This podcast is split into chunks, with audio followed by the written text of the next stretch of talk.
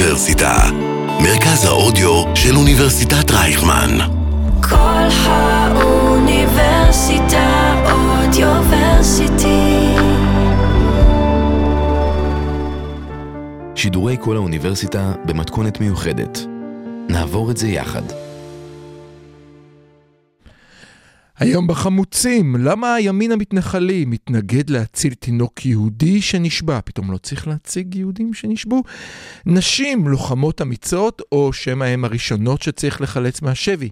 האם ההפוגה היא סוף המלחמה באמצעים אחרים? גלעד יעלה שאלות האם לשם הגענו. חברים, אנחנו החמוצים מקליטים בנובמבר 27 בשעה 9 בבוקר. עד שתשמעו אותנו, המציאות עלולה להשתנות. החמוצים מתחילים ממש עכשיו. החמוצים, המערכת הפוליטית על ספת הפסיכולוג, עם הפרופסור בועז בן דוד והפרופסור גלעד הירשברגר. בוקר טוב גלעד.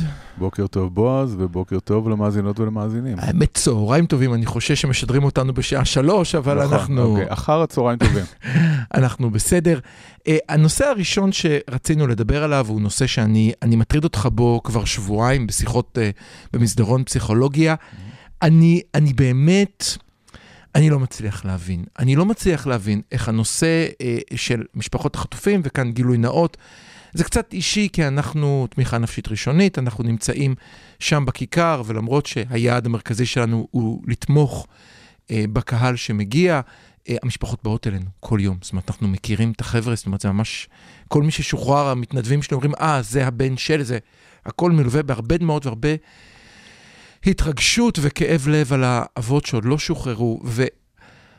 איך זה נהיה עניין של ימין ושמאל? איך לעזאזל... איך כל דבר נהיה עניין של ימין לא, ושמאל. אבל באמת, אם משהו שאמור להיות בו איזשהו חיבור, אפילו במלחמה, הנה, ביקשו מאיתנו השמאלנים, תפסיקו אתה- להיות שמאלנים, תילחמו. אתה אמרת עכשיו משהו לא נכון. אמרת, אמור להיות בו איזשהו חיבור, כן, ואני לא חושב שזה נכון, אני חושב אוקיי. שזה בדיוק בדיוק נושא כן. שמבחין בין ימין ושמאל. אתה זה חייב- לא- זה לא תחכים אותי. המתח הזה שנוצר סביב כן, החטופים עד לרמה של עוינות כלפי המשפחות של החטופים ועוינות כלפי תקשיב, הכיכר החטופים וההפגנות שם. זה לא יאומן, אני חייב להגיד לך, כן, אבל תשמע, צריך להבין את הרקע. אנחנו הפכנו, יש לנו עכשיו, שוב, אני מצטער, אני עושה לזה הרבה פלאגין, סליחה, אבל יש לנו נוהל אלימות שהכנסנו בתחילת כל משמרת, אנחנו כל ערב שם, כי יש אלימות ואנחנו קופצים ומנסים לעצור אותה. מה קורה פה? כן, אז בוא, אתה יודע, בוא נעזוב שנייה את השוליים של האלימות ונתרכז בזה אבל זה מגיע שהימין... משם. נכון, הימין, הימין באופן אה, בסיסי, הימין הקיצוני במיוחד, גם כן. כאן צריך לעשות הבחנה בין כן, סוגים שונים של מסכים, ימין, מסכים. אבל אה, סוג מסוים של ימין מהמם. אה, תופס את הנושא של החטופים בצורה אה, שהיא מאוד שונה ממך, אוקיי?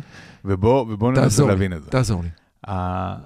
הבסיס, נגיד בצורה הפשוטה ביותר, אחד הבסיסים אה, של ההבחנה בין ימין ושמאל, מהמם. זה הנושא של הפרט מול הלאום.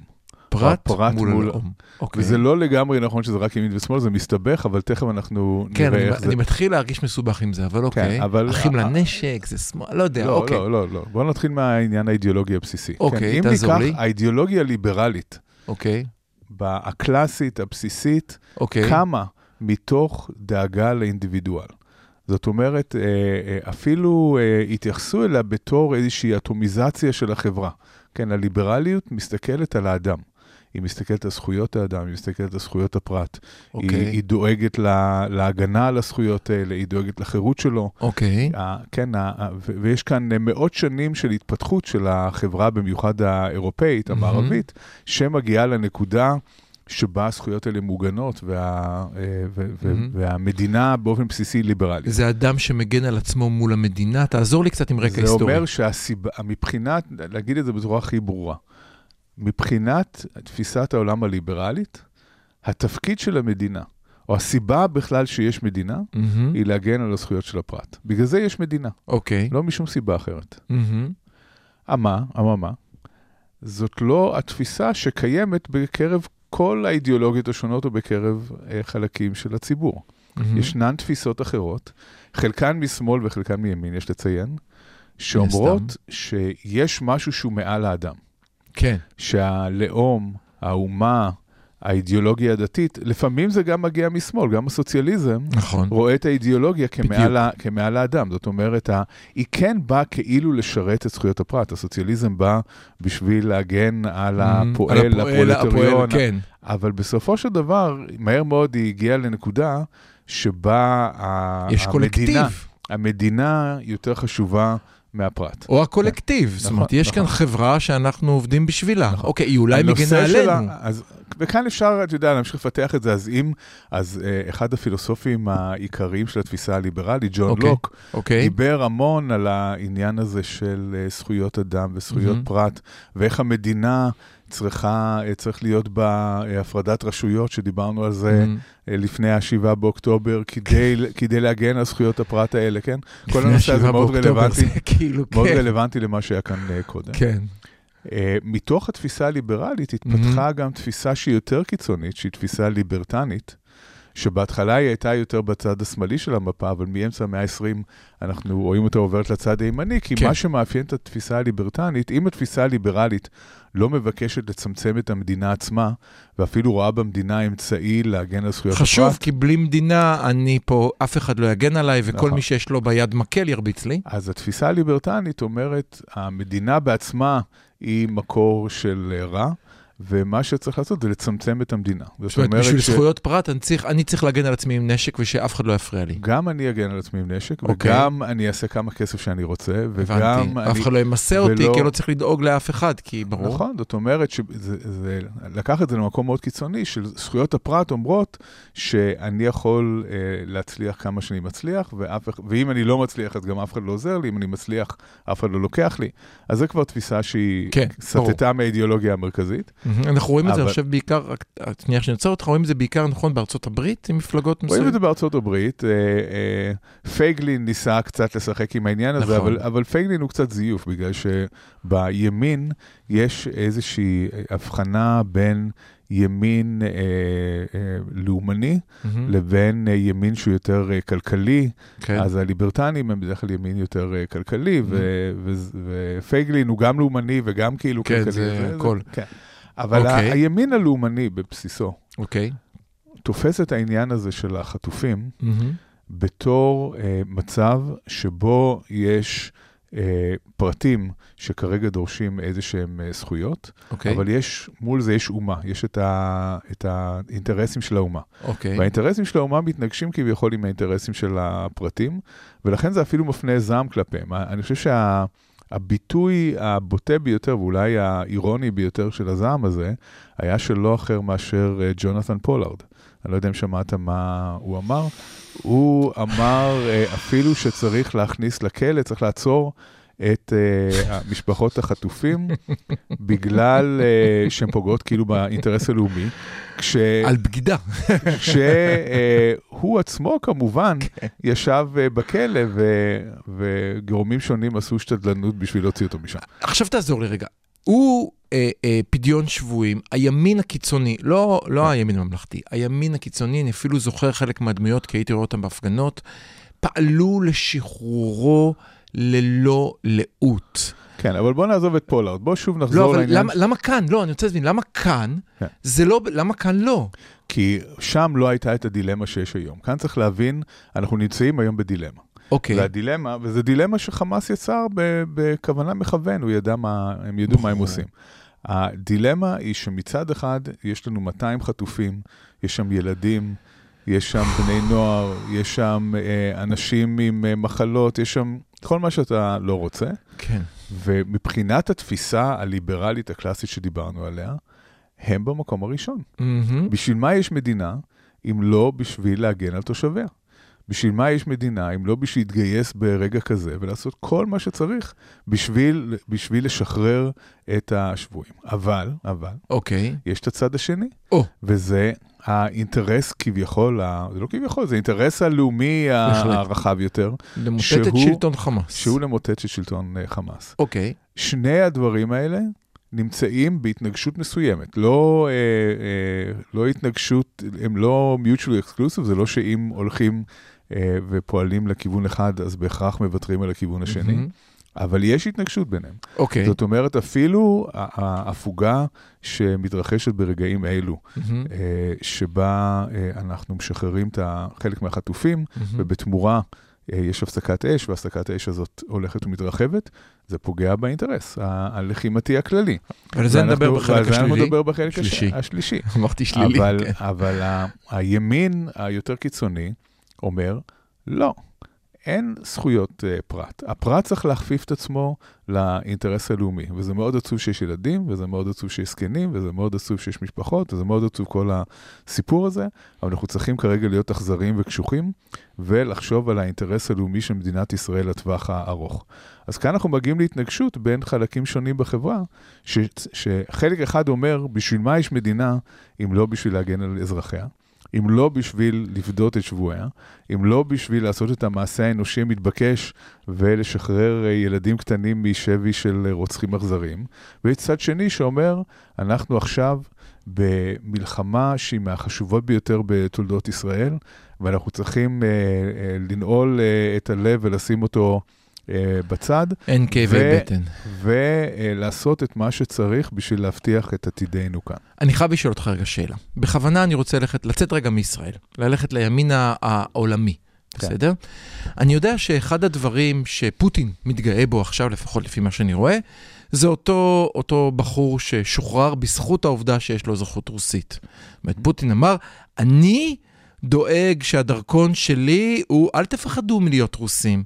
עכשיו שכולם מפחדים, הדרכון שלי שווה מיליון.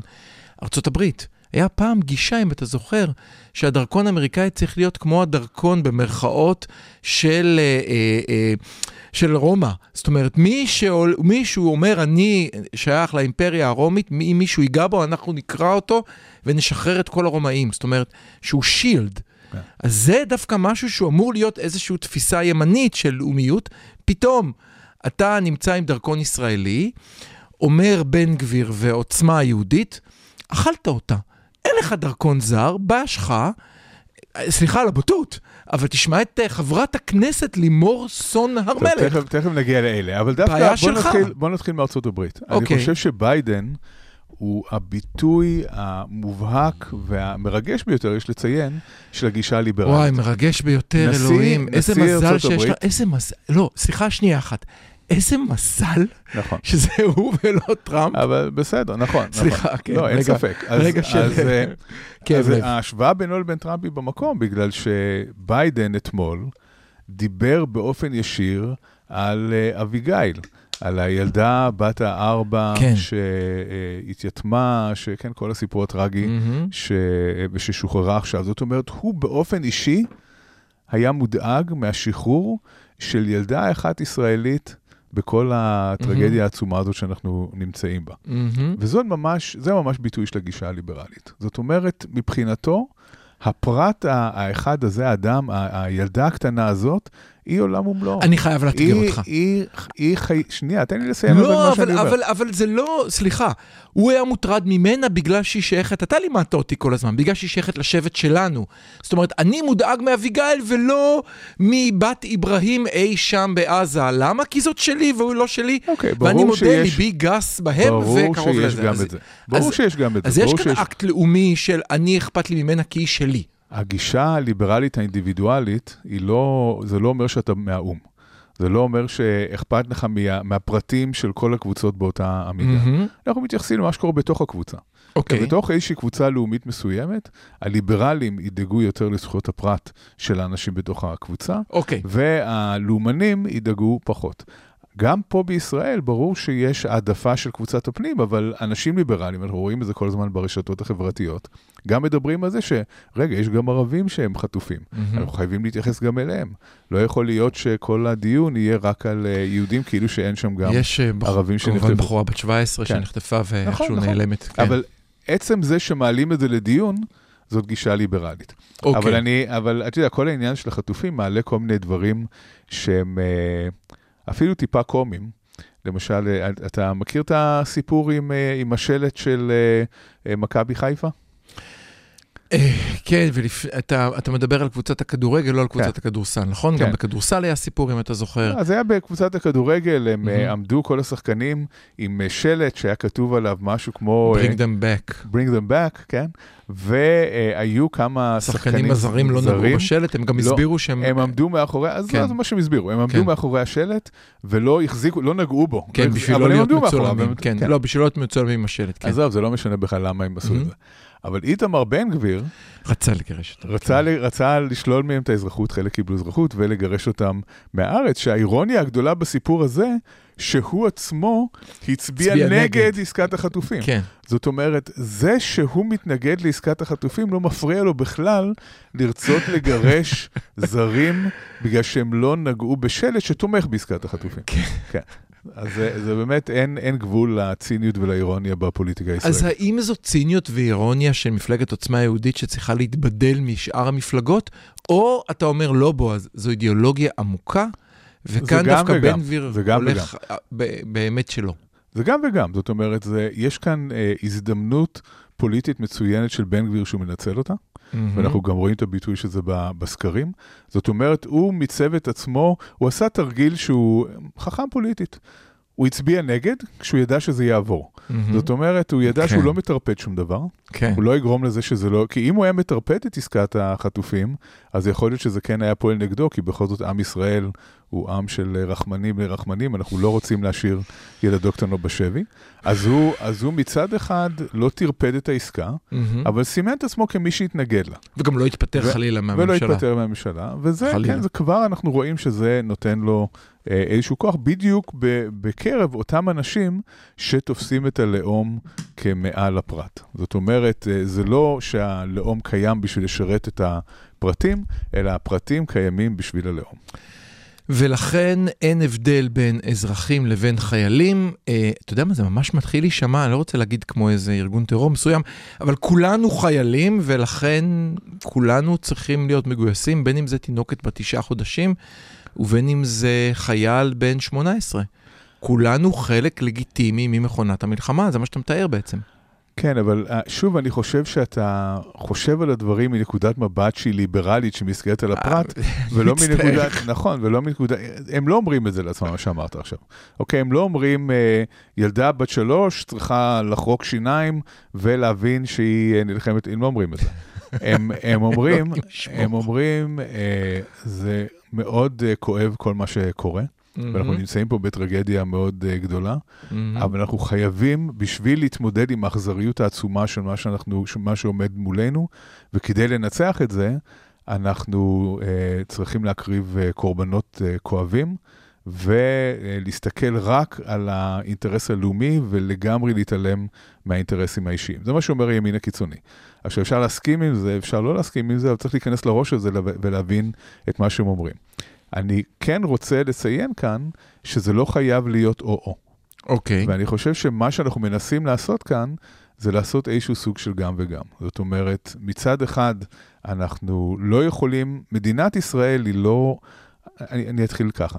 Uh, במלחמת העולם השנייה, הבן של סטלין נשבע על ידי uh, גרמניה, והגרמנים הציעו להחליף אותו בתמורה לגנרל שהיה שבוי אצל הסובייטים. וסטלין ענה כך, הוא אמר, לא מחליפים קצין פשוט בשביל גנרל. הבן שלו נשאר בשבי ומת שם. עכשיו, זאת גישה, בדיוק גישה של האידיאולוגיה או המדינה, היא מעל הפרט. הפרט לא מהמם. חשוב, רק המדינה חשובה. אנחנו, עם ישראל הוא לא כזה, הוא לא מסוגל להיות כזה ברובו. אנחנו כן אכפת לנו מהפרטים, ואנחנו נעשה הכל כמו שעשו הכל בשביל לשחרר את גלעד שליט, ככה יעשו הכל בשביל. לשחרר את הכמעט 200 שנשארו בשבי. אבל יש גם אינטרס לאומי, ואי אפשר להתכחש לזה שיש אינטרס מהמם. לאומי, ואנחנו מנסים אה, ללכת בין הטיפות כאן. אנחנו מנסים מצד אחד כן אה, לשחרר כמה שיותר חטופים, ומצד שני לא לוותר על היעדים הלאומיים הגדולים יותר, ואנחנו בחלק השלישי אנחנו נדבר על באמת האם אפשר לעשות את זה. אז אנחנו עוצרים את החלק הראשון שלנו, שבו ניסינו להבין מה קורה עם תינוק שנשבע. מתברר שיש תינוקות שנשבעים ויש תינוקות שנשבעים. המשפט האחרון שלך על הבן של הזכיר לי בן של אחר שהיה במיאמי וחוזר, וכמה הבטחה יש עליו שחלילה שערה לא תיפול מראשו הזהוב. אנחנו עוצרים ובחלק הבא נשאל על מקום הנשים. כבר חוזרים, אל תלכו לשום מקום. כל האוניברסיטה אודיוורסיטי. כל האוניברסיטה, מרכז האודיו של אוניברסיטת רייכמן. שידורי כל האוניברסיטה במתכונת מיוחדת. נעבור את זה יחד. החמוצים, המערכת הפוליטית על ספת הפסיכולוג, עם הפרופסור בועז בן דוד והפרופסור גלעד הירשברגר. שלום גלעד. שלום בועז. אז uh, מאזיני הפודקאסט שמעו הפסקה קלה, מאזיני הרדיו שמעו שיר, ואנחנו חוזרים אליכם בכל מקרה, תודה שהייתם איתנו. Uh, במעבר uh, ישיר כמעט אנחנו עוברים לדבר על נושא נשים. אני אנסח את השאלה שמכבי uh, לאחרונה קשורה גם לזקנים וגם לנשים. אני חושב ש... אני אתחיל בלדבר גם על זקנים וגם על נשים, ואחר כך תתקן אותי אם אתה רוצה, פשוט כי זקנים זה תחום המחקר שלי. אתה יודע, אה, פתאום במלחמה הזאת אנשים התחילו להגיד, רגע, רגע, רגע, רגע, הנה הזקנים האלה אה, לוקחים את הקיה פיקנטו, נשק, אלופים במי לקשישים, ומצילים אה, אנשים במסיבה. הנה האנשים האלה שקודם כל ירדנו עליהם, ולפתע הם בטנק מצילות את המדינה. יושבות כמה טנקיסטיות, יושבת אותה אחת שהייתה קצינת הביטחון, כי הבת של וזה, ובסוף מצילה קיבוץ שלם שאף אחד בו לא נהרג. זאת אומרת, אנחנו רואים גבורת לוחמות שאולי סוף סוף מורידה מהפרק את כל הנושא של נשים בצבא, כן, לא. אל תצחק עליה, אבל לפחות זה מרגיש לי שתם הדיון כבר בנושא הזה. לא, לא, אני לא, אני בכלל לא צוחק, אני חושב שזה... תכף נדבר על זה. ואז, דקה אחר כך, דקה אחרי שאמרנו, בואנה, כל הכבוד, הזקנים נפסיק להתייחס אליהם כחלשים, נשים נפסיק להתייחס אליהם כדורשות הגנה, פתאום, בשבויים זה, השבויים זה הזקנים והנשים, וחייבים לשחרר את הנשים קודם, ונשים דורשות להיות משוחררות קודם, ויש כאן איזה דואליות, אני חושב שאולי גם בין ערכים שונים, בין הערך הליברליות של ישראל המערבית, לבין ערכי החמאס, זאת אומרת, כל כך מתחיל להסתבך לי, בוא תעזור לי. וערכים אה, פרוגרסיביים. אני חושב שקודם כל, אני חושב שקודם כל, אחד הדברים המדהימים והמעניינים ביותר שקורים עכשיו, זה שנשים ישראליות מגדירות מחדש את הפמיניזם. יש סוג של פמיניזם ישראלי, תסביר. שמתפתח כאן, שהוא עושה בית ספר לפמיניזם המערבי הקלאסי.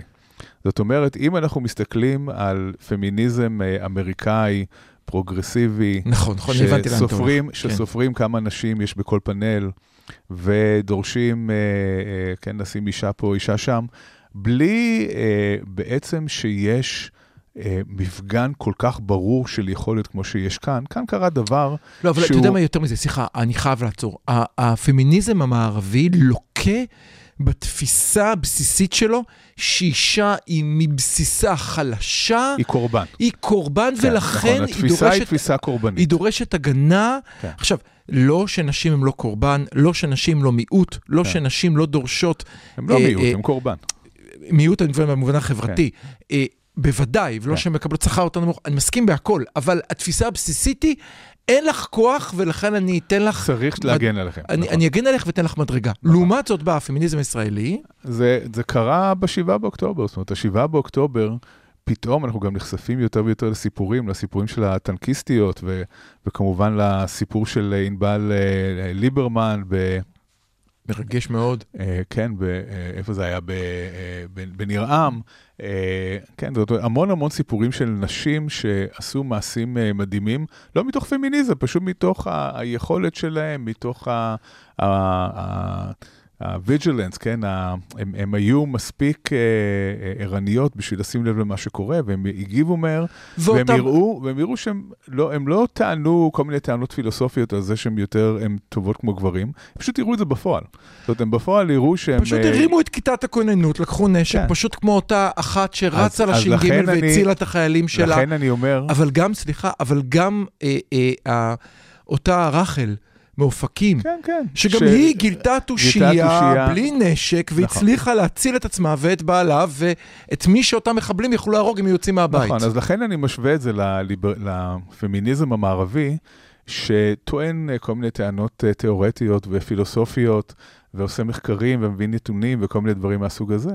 והפמיניזם הישראלי שהתגלה כאן הוא פמיניזם במעשים. זאת אומרת, בתכלס, בפועל, בלי לדבר יותר מדי, בלי יותר מדי פילוסופיה ובלי uh, טיעונים, פשוט תראו איך שבתכלס, בפועל, נשים תפקדו לא רק שלא פחות טוב מגברים, אלא במידה רבה יותר טוב מגברים, והם אה, לגמרי יוכיחו, אחד הסרטונים היפים שרצים ברשת עכשיו, זה סרט של הטנקיסטיות, שברקע יש את אה, נווה דרומי, כן. ואת הרב... אה, לוינגר. לב, לא לוינגר, לוינסון. לוין... אה, לא לוינשטיין, לוינשטיין, הרב. לוינשטיין, כן, ממדרשת עלי כמובן, אה, שמדברים, מסבירים אה, איך אה, כל העניין הזה של השוויון, של ה progress, הוא לא נכון, ושנשים לא יכולות לשרת בטנק בגלל שהפגזים כבדים מדי וכל מיני דברים מהסוג הזה. ברור, מה אתם מתעללים בהם? דרך אגב, גם יושב ראש ועדת חוק חוקה, או משפט, או איך שלא קוראים לזה, גם הוא דיבר על זה. זאת אומרת, נכון. יש לנו את כל הימין שבה, הימין הלאומי שבה דיבר על כך שאם אתם שמים נשים ב front, אתם מחלישים את הלאומיות החזקה, את נכון. כוחנו בצה"ל בשביל רעיונות ה progress. וזה בדיוק, ובאות זה בדיוק הנשים מחזיר ואומרות אותנו. להם, נע בעין, זוזו לא הצידה. זה בדיוק העניין שהן לא כן, אומרות, הן מראות. הן בפועל. עכשיו, זה מחזיר אותנו בדיוק לנקודה שדיברנו עליה מקודם, על האינדיבידואל לעומת הכלל. זאת אומרת, התפיסה הליברלית אומרת, כל אדם הוא שווה ערך, ונשים הם בני אדם אז הם שוות ערך, ולכן מגיע להם כל מה שמגיע לגברים. זה נקודת מבט אידיאולוגית על אה, הנושא של שוויון. ובאיך היא שונה הימין- מה- מה- שנייה. מהמערבי? בא, לא, לא, לא, אני מדבר כרגע על ההבדל בין אוקיי. תפיסה ליברלית אוקיי. לתפיסה לאומנית. מהמם. התפיסה הלאומנית באה ואומרת, לא מעניין אותנו, לא מעניין אותנו השוויון שלכם, מה שמעניין אותנו זה שצה"ל ינצח. אנחנו רוצים צבא חזק שינצח, ואנחנו לא מוכנים שהצבא יוחלש בגלל, ש... בגלל הרעיונות הפרוגרסיביים שלכם, שאתם שמים אה, נשים שלא מסוגלות לטעון פגז אה, בטנק מספיק אה, מהר. ואז באה המלחמה הזאת, ומראה שמי שמתפקד בצורה הטובה ביותר זה האנשים, בלי דיבורים ובלי, לא, אין כאן ויכוח אידיאולוגי יותר. זאת אומרת, לא צריך, לא צריך להתווכח על זה יותר. כן. יש לנו כאן הוכחות בפועל. כן. שזה זה עובד מדהים, שזה עובד מצוין, שאנחנו צריכים נשים בטנקים, שאנחנו צריכים נשים בכיתות כוננות, שאנחנו צריכים נשים בתפקידי לחימה. זה לא, זה, הוויכוח נגמר, כמו שאמרת בהתחלה, לא בגלל שמישהו כאן ניצח בוויכוח, אלא בגלל שבפועל, בשטח, קרו מעשים שאי אפשר להתווכח איתם, שאין אין שאלה... אתה זוכר את הדיון הנוראי בערוץ 14 על, על אותם שניים ששמרו ונרצחו, האם זה כי הם פלירטטו אחד עם כן, השנייה כן, בעמדת. שמירה? נכון. אין גבול, אין גבול לסחי, אבל הנה המעשה. אז בואו נעצור שנייה אחת. הבנו את הנקודה האחת, אבל לפתע, כשמגיע שחרור החטופים, או. אז אימא הולכת הביתה, אני, באמת, אני, אני, המקרה הזה שובר לב, אני חושב לכולם. אימא הולכת הביתה ואבא לא, או כן. בכלל לא מדברים על הגברים, אם ההוא לא היה אזרח רוסי, ותודה לאל שהוא היה וניצל.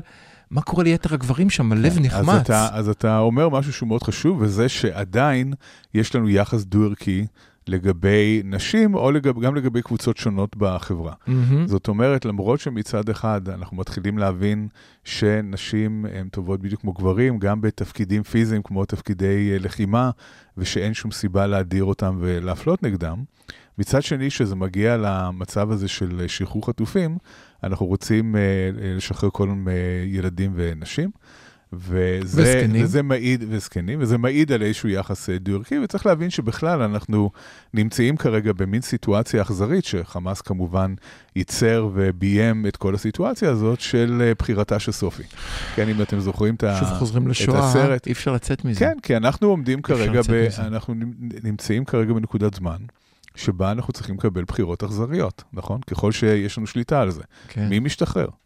מי לא משתחררת? מי, כן, אנחנו, כן. מי אנחנו לוחצים אה, לשחרר משם? וואי, ואת מי אלוהים. אנחנו בעצם אומרים, אה, יכול להיות שישתחרר, יכול להיות שלא. כן, מהמם. אה, זאת בחירה מאוד אכזרית, והיא כמובן אה, אה, משחקת לידיים של חמאס, כי הם רוצים שהחברה שלנו אה, תיקרע ותישבר וכן, אה, ותתווכח סביב הנושאים האלה.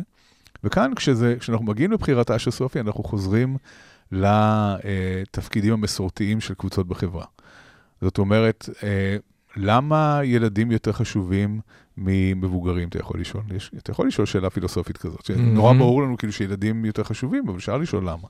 ולמה אם משחררים ילדים, צריך עם האימא שלהם ולא עם האבא שלהם. כאן גם יש איזשהן תפיסות מסורתיות לגבי התפקיד של אימא בהורות לעומת התפקיד של אבא. אבא זה נחמד שיהיה, אבל אימא היא החשובה אה, בהורות. אני, אני אוסיף כאן עוד משהו מעולם המחקר שלי. בתקופת הקורונה קרה, ממש ערב תקופת הקורונה, היה, היינו באיזה גל של מאבק בגילנות, אותו אייג'יזם, הגזענות כנגד זקנים. באה הקורונה ובתי חולים, זה התחיל באיטליה, וזה עבר לדוח של הלנצט, וזה הגיע לארה"ב ובקנדה בעצימות גבוהה, שאמרו, יש cut-off. אם עברת את 65, ואתה מגיע לבית חולים עם סימפטום של קורונה, קח שני אקמול ולך הביתה. אתה לא מגיע לרספירטור. זהו. זאת אומרת, עכשיו נשאלת השאלה אם זה נכון או נכון, קטונתי מלקבל הכרעות כאלה, אבל עצם התפיסה של כן. רופאים בכל העולם, שזה לגיטימי להקריב את בן ה-70 בשביל בן ה-50, ובוודאי בשביל בן ה-20, וכמובן בשביל בן ה-12, אומרת משהו לערכים של החברה. כן, אבל אתה יודע, אני... אבל זה אותו חושב- דבר כאן, רק שכאן במקום מלחמה אכזרית, יש לנו נכון. בני אדם. אבל אני. חושב, ש... אני חושב שיש היגיון מסוים בבחירות האלה. זאת אומרת, אני חושב שאנחנו עושים את הבחירות האלו, יש בהן היגיון. אם אתה מסתכל על... אה, אתה מדבר על טווח- תוחלת חיים. תוחלת החיים הצפויה של Mhm. האנשים האלה, כשמשחרר אדם בן 85, כן, כמו ששחררו אה, אתמול, שהיא. אה, כן, הו- הובהלה לסורוקה, כן. אז אתה משחרר אה, בן אדם אז היה שתוחלת עדיף, החיים היה שלו... עדיף לשחרר את, את הגבר בן ה-40 לפי מה שאתה אומר, ובכל זאת שחררנו את בן כעיקרון, ב- ה-85. כעיקרון בבחירתה של סופי, כן. שאנחנו נמצאים בה, כמובן שאנחנו מעדיפים, ההיגיון הוא לשחרר אנשים שתוחלת החיים הצפויה שלהם היא גדולה יותר. ילדים בני שלוש, שכל החיים לפניהם. כן. ואנחנו גם, אנחנו יודעים כמה דברים, ו- וכאן חשוב ל- לציין את זה. לא רק שכל החיים לפניהם, אנחנו יודעים שרוב האנשים שחוו את הטראומה הזאת של השבי, הם יהיו בסדר. זאת אומרת, ה- ה- כמובן שזה יצלק את נפשם בצורה כזו או אחרת, אבל דווקא ילדים, יכולת ההתמודדות שלהם, הפלסטיות שלהם, היכולת שלהם להתארגן ו... כמובן לבנות את בהינתן ה- טיפול חכם, טוב ובריא. כן, אבל, ותמיכה, אבל אה, כן. החוסן הבסיסי, מהמם. קודם כל של בני אדם באופן כללי, כן? צריך לציין שחברות שעברו טראומה קולקטיבית, כמו שאנחנו עברנו, אה, אה, רוב ה- הפרטים בחברות האלה, מהמם. כן הצליח אה, להמשיך הלאה ולבנות חיים, ו... אה, כן, אבל אנחנו ו- קצת ככה. קצת גלשנו, ובטח אתה לא, מכוון למחקרי אומר השבי. אני שזה אומר אבא שילד- סלמון. אצל ילדים, מהמם. אצל ילדים במיוחד, היכולת הזאת היא מאוד גבוהה. זאת אומרת, גם אם אנשים חוו דברים אה, קשים, וכן, רק, רק לחשוב על אה, אביגיל, על מה שהיא עברה, שהייתה צריכה בעצם להשתחרר לא. מהלפיתה של אביה שנרצח ולברוח לשכנים וכל הסיפור הזה. אה, זה לא אומר שהיא לא תוכל לחיות חיים אה, מלאים, טובים, אה, נורמליים, עם כמובן אה, כאב, לא, אי אפשר לקחת את הכאב. אבל בכל אבל זאת, יכולת ההשתקמות היא גבוהה. המשחק ולכן- היום, ולכן המשחק היום הוא היגיון. זקני- הוא זקנים, נשים וילדים, אני רוצה לשים את נכון. זה על השולחן. נכון. זאת אומרת, המשחק היום הוא לא משחק של בחירתה של סופי, סליחה. בחירתה של סופי היה, משחררים את מי שהוא חזק יותר ויכול לשרוד את, ה- את אושוויץ. כאן, משחררים לא את זה מי לא שחזק. בדיוק, אם אתה זוכר את הסרט, זה לא בדיוק היה זה, אבל לא חשוב. אוקיי, אה, משחררים, אבל, אבל כן. הבנת את המטאפורה שלי. כן. כאן משחררים את מי שחלש ושמים בקטגוריית החלש את הזקנים, נכון. את הילדים ואת הנשים, ואני שואל ספציפית על השאלה של את הנשים. אז איך כאן הגענו שוב, לשם? אז כאן שוב, אה, אנחנו, העניין של להגן על החלש זה תפיסת עולם ליברלית. כן, זאת אומרת, אוקיי. למרות שתוחלת החיים הצפויה של זקנים היא קטנה יותר, בגלל שהם חלשים, בגלל שהתפיסה היא שהם זקוקים ליותר הגנה, אז אנחנו מתאמצים לשחרר אותם אה, יותר. זה שנשים נמצאות בקטגוריה הזאת, זה בדיוק מעיד על מה שאמרנו קודם, על היחס הדו-ערכי כלפי נשים. מצד אחד, הן לוחמות אמיצות בטנק, והדפו אה, עשרות אה, מחבלים, וכן, מעשי גבורה שעוד נשמע עליהם מהמם. אה, רבות. אבל מצד שני, כשזה מגיע לשבי, אנחנו רואים אותן בתור אה, חלשות. יש לזה כמה סיבות, יש לזה סיבות שהן אובייקטיביות נכונות, ויש סיבות שהן יותר רגשיות ונוגעות לתפיסות עולם שמרניות יותר.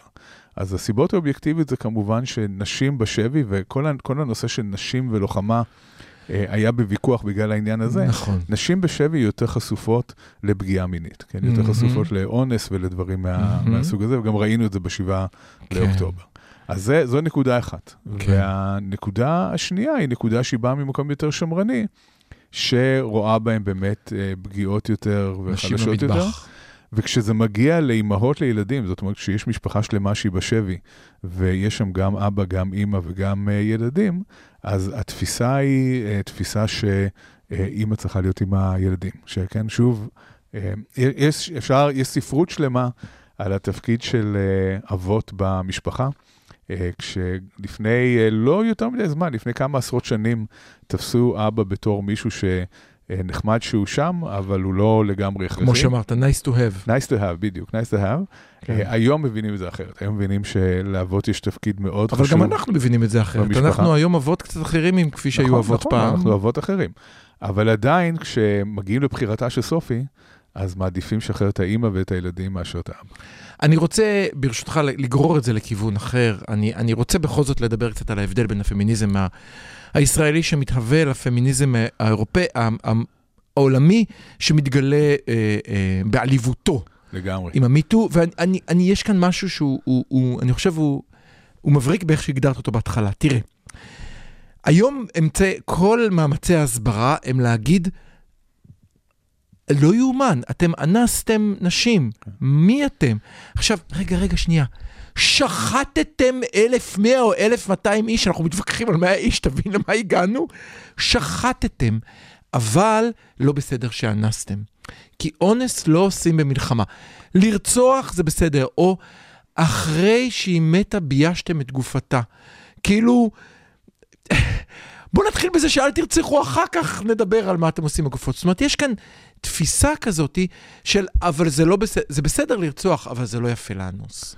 זה התפיסה של מי? שלנו, אתה אומר. לא, אני רואה את זה ב- ב- ב- בעולם, זאת אומרת, לא, כי זה... בעולם זה לא מה שאתה רואה. מה שאתה רואה בעולם זה משהו אחר לגמרי. אז תעזור לי. מה שאתה רואה בעולם זה התעלמות מוחלטת מהנושא של אה, אונס נשים ישראליות ב-7 באוקטובר.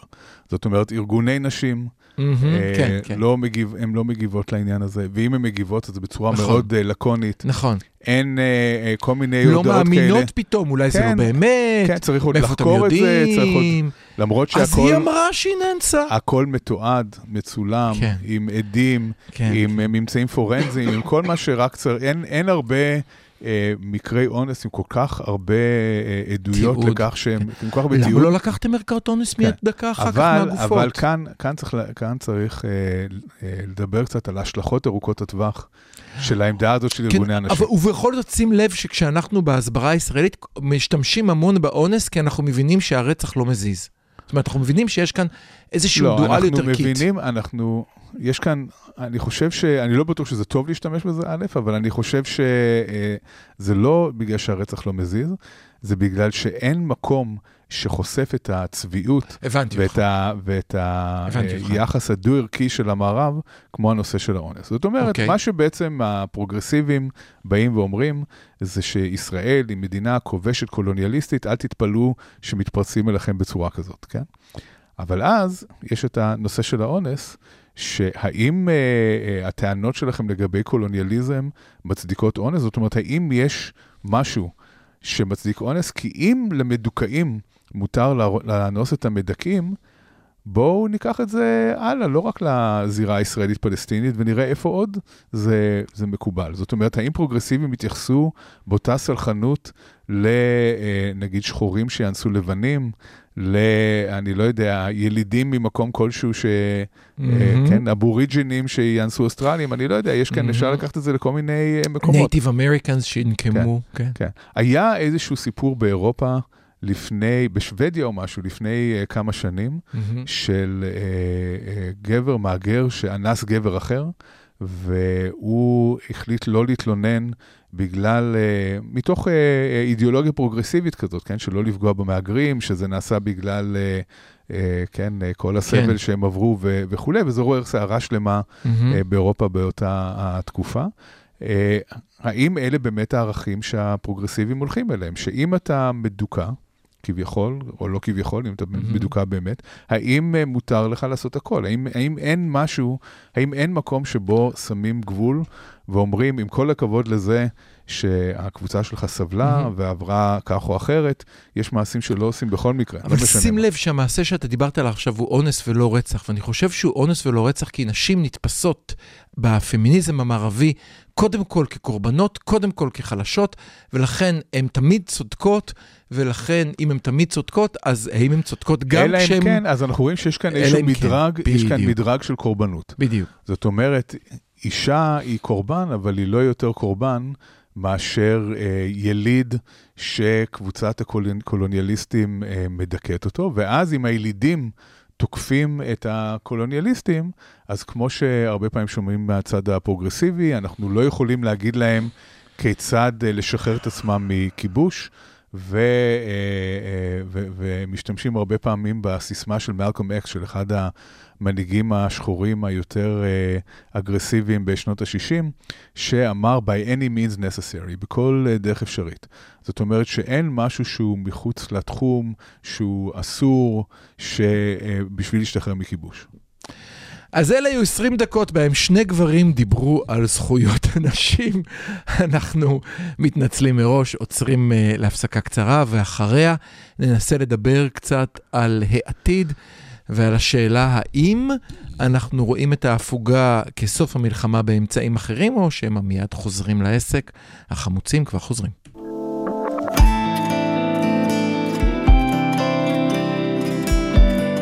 כל האוניברסיטה מרכז האודיו של אוניברסיטת רייכמן. כל האוניברסיטה אודיוורסיטי. שידורי כל האוניברסיטה במתכונת מיוחדת. נעבור את זה יחד. החמוצים, המערכת הפוליטית על ספת הפסיכולוג, עם הפרופסור בועז בן דוד והפרופסור גלעד הירשברגר.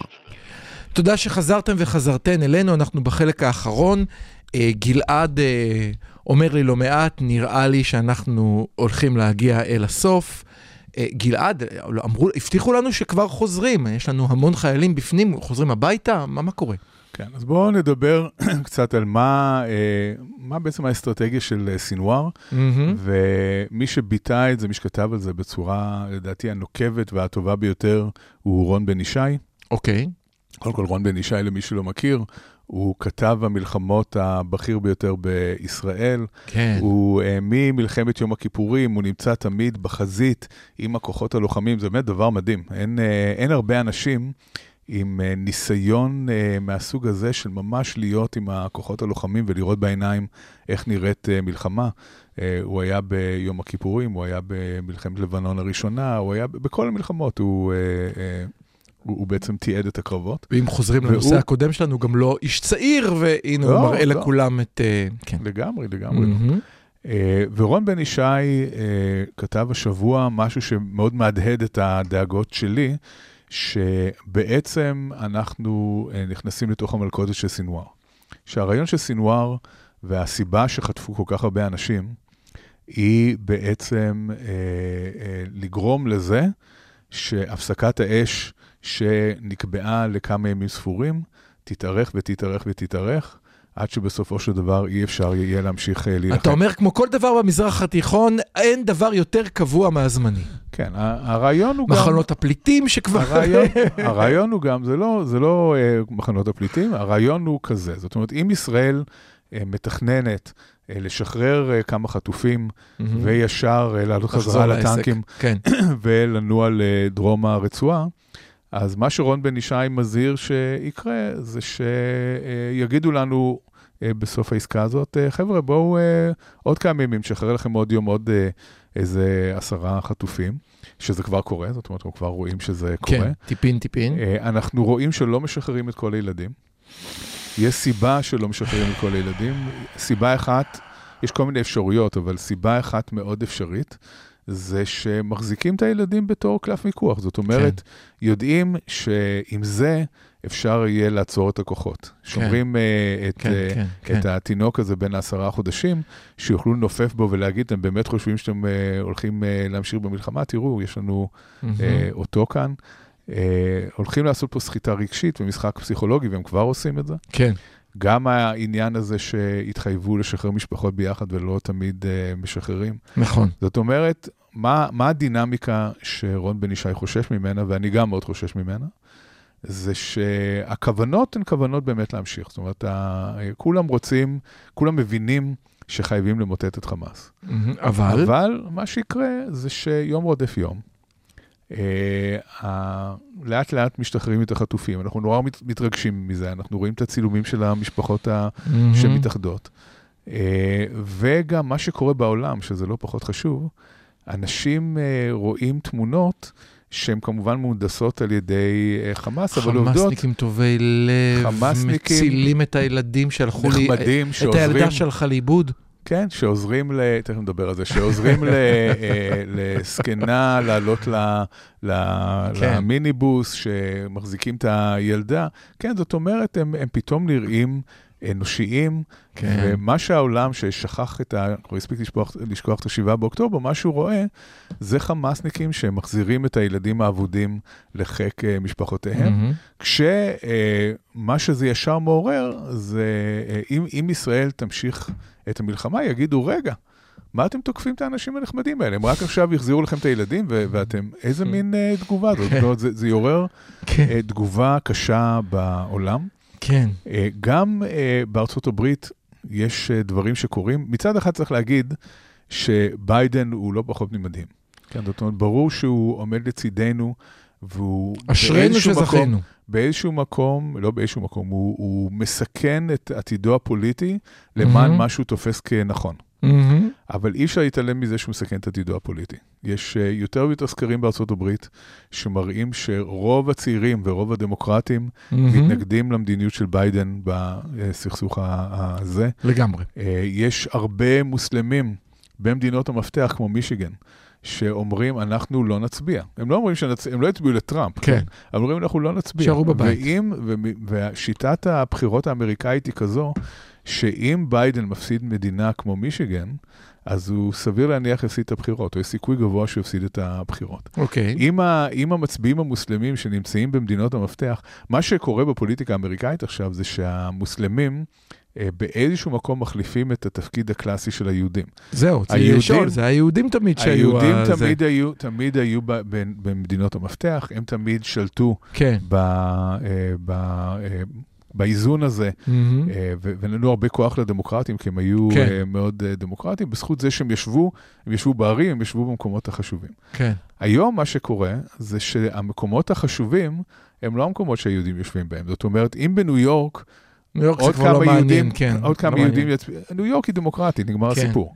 כן, אבל, אה, אה, אבל במישיגן כן. זה מתנדנד. אולי ו- פלורידה בכל זאת כל היהודים שבאים להיות שם בפנסיה? כן, יכול להיות, אבל, אה, אבל שוב, העניין הזה שכל יום של הפוגה ברור, שמתמשכת, ברור. גורמת לזה שיש לחץ פוליטי פנימי אמריקאי לא להמשיך. יש לחץ אה, אירופאי, בוא נדבר על זה גם. יש לחץ אירופאי לא להמשיך. יש, אה, יותר קשה יהיה להסביר איך פתאום... הקטרים הגיעו לפה עם מזוודות. הקטרים לא ו- הגיעו, הקטרים הגיעו בשביל להגן על ההשקעה שלהם, צריך להגיד כן. את זה. כן, הקטרים אה, שמו כאן אה, מיליארדים.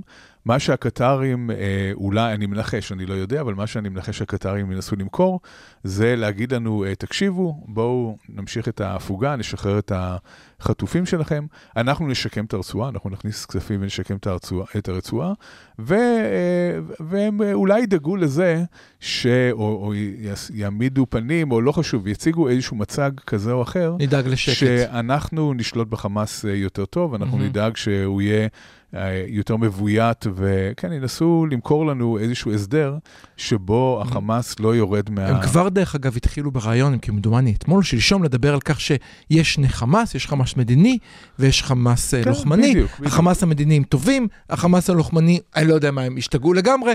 תנו לנו לדבר עם המדיני ונעשה סדר. כן, זאת אומרת, לקטר יש המון אה, אינטרסים אה, להתערב כאן, גם בשביל להציג את עצמה בתור אה, מעצמה אזורית, גם אה, בגלל שקטר היא באמת מדינה מאוד מיוחדת מהבחינה הזאת, שמצד אחד היא מאחסנת את אה, ראשי חמאס, כן. ומצד שני יש את, את, את הבסיס האמריקאי הגדול ביותר במזרח התיכון, זאת אומרת, היא מצליחה... אה, באמת? כן, כן. הבסיס, הבסיס הצבאי האמריקאי הגדול ביותר במזרח התיכון הוא יושב בקטר. בקטר, יושב בקטר.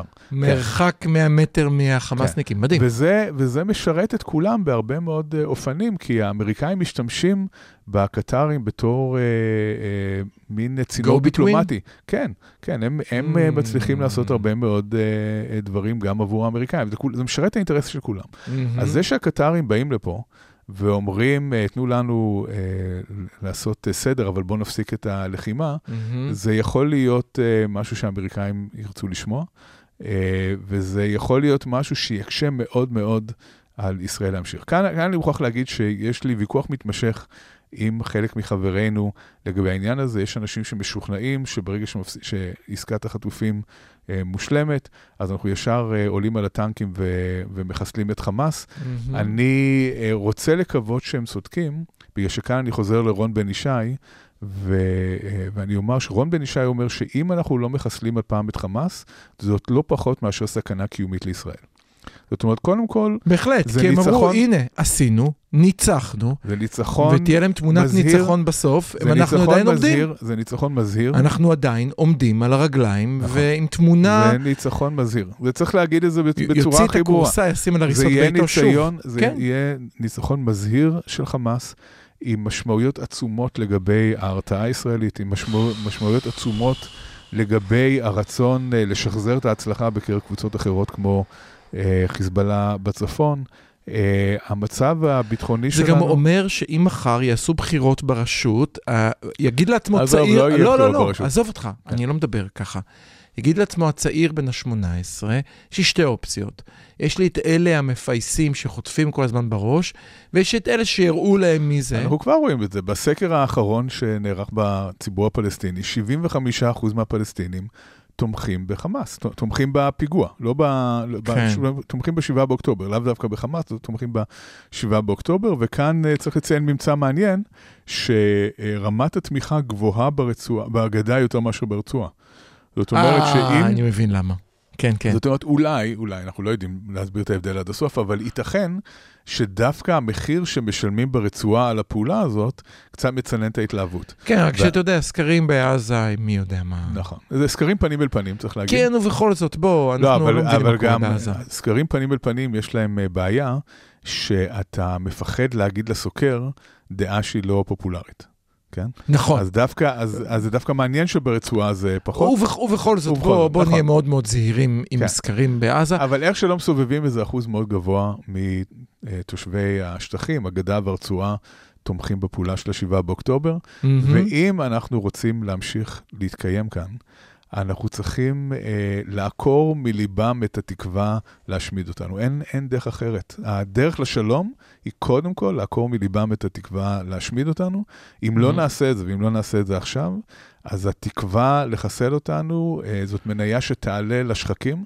ואנחנו אה, נצטרך להתמודד פה עם משהו מאוד מאוד קשה. אנחנו לא, לא נוכל להימלט מלהתמודד עם הבעיה הזאת בסיבוב הבא. אני רוצה להוסיף עוד אפשרות על השולחן, שהיא תהיה ללכת עם ולהרגיש בלי, או מה שלא תרצה לקרוא לזה, סוג של מלחמת לבנון, שתימשך הרבה מאוד שנים, שמצד אחד אנחנו נגיד שאנחנו די במלחמה, אבל הקטרים יסגרו שזה לא מלחמה, חיילים ימשיכו ללכת כל הזמן לעזה, חיילים ימשיכו להיהרג, ואנחנו נמשיך בסיטואציה של אין ויש כזאת כן, אבל יש כאן, אינסופית. יש כאן שאלה של התקדמות לדרום הרצועה או לא.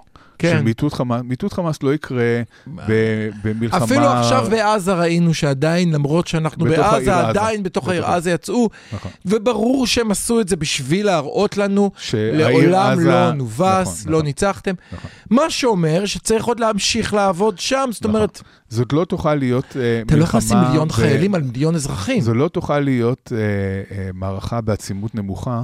בשביל להשיג את היעדים ש, שצה"ל הציב לעצמו, שהמדינה הציבה לעצמה של אה, מיטוט יודע, אבל... החמאס. ולכן לכן אנחנו צריכים להכיר בזה, שוב, אנחנו נמצאים בדילמה הזאת של מול האינדיבידו, של האינדיבידואל, כן, שזה הגישה הליברלית של להציל את האינדיבידואל, לעומת האינטרס הלאומי, וזה קורע את החברה שלנו, וזה מייצר דילמה, וזה בסופו של דבר גם יכול להוות אה, סיכון אה, קיומי על ישראל. אז אני רוצה ברשותך לסיים במילים של שיר שנתן אלתרמן, ששר אריק איינשטיין, שבימים אלה אנחנו מציינים עשר שנים למותו. אה, אני, אה, את הטוב, את הרע צריך לראות כדי להילחם בו, על הטוב צריך לשמור בכדי להתנחם בו. אל תרכיבו משקפיים, לא קודרות ולא שמחות.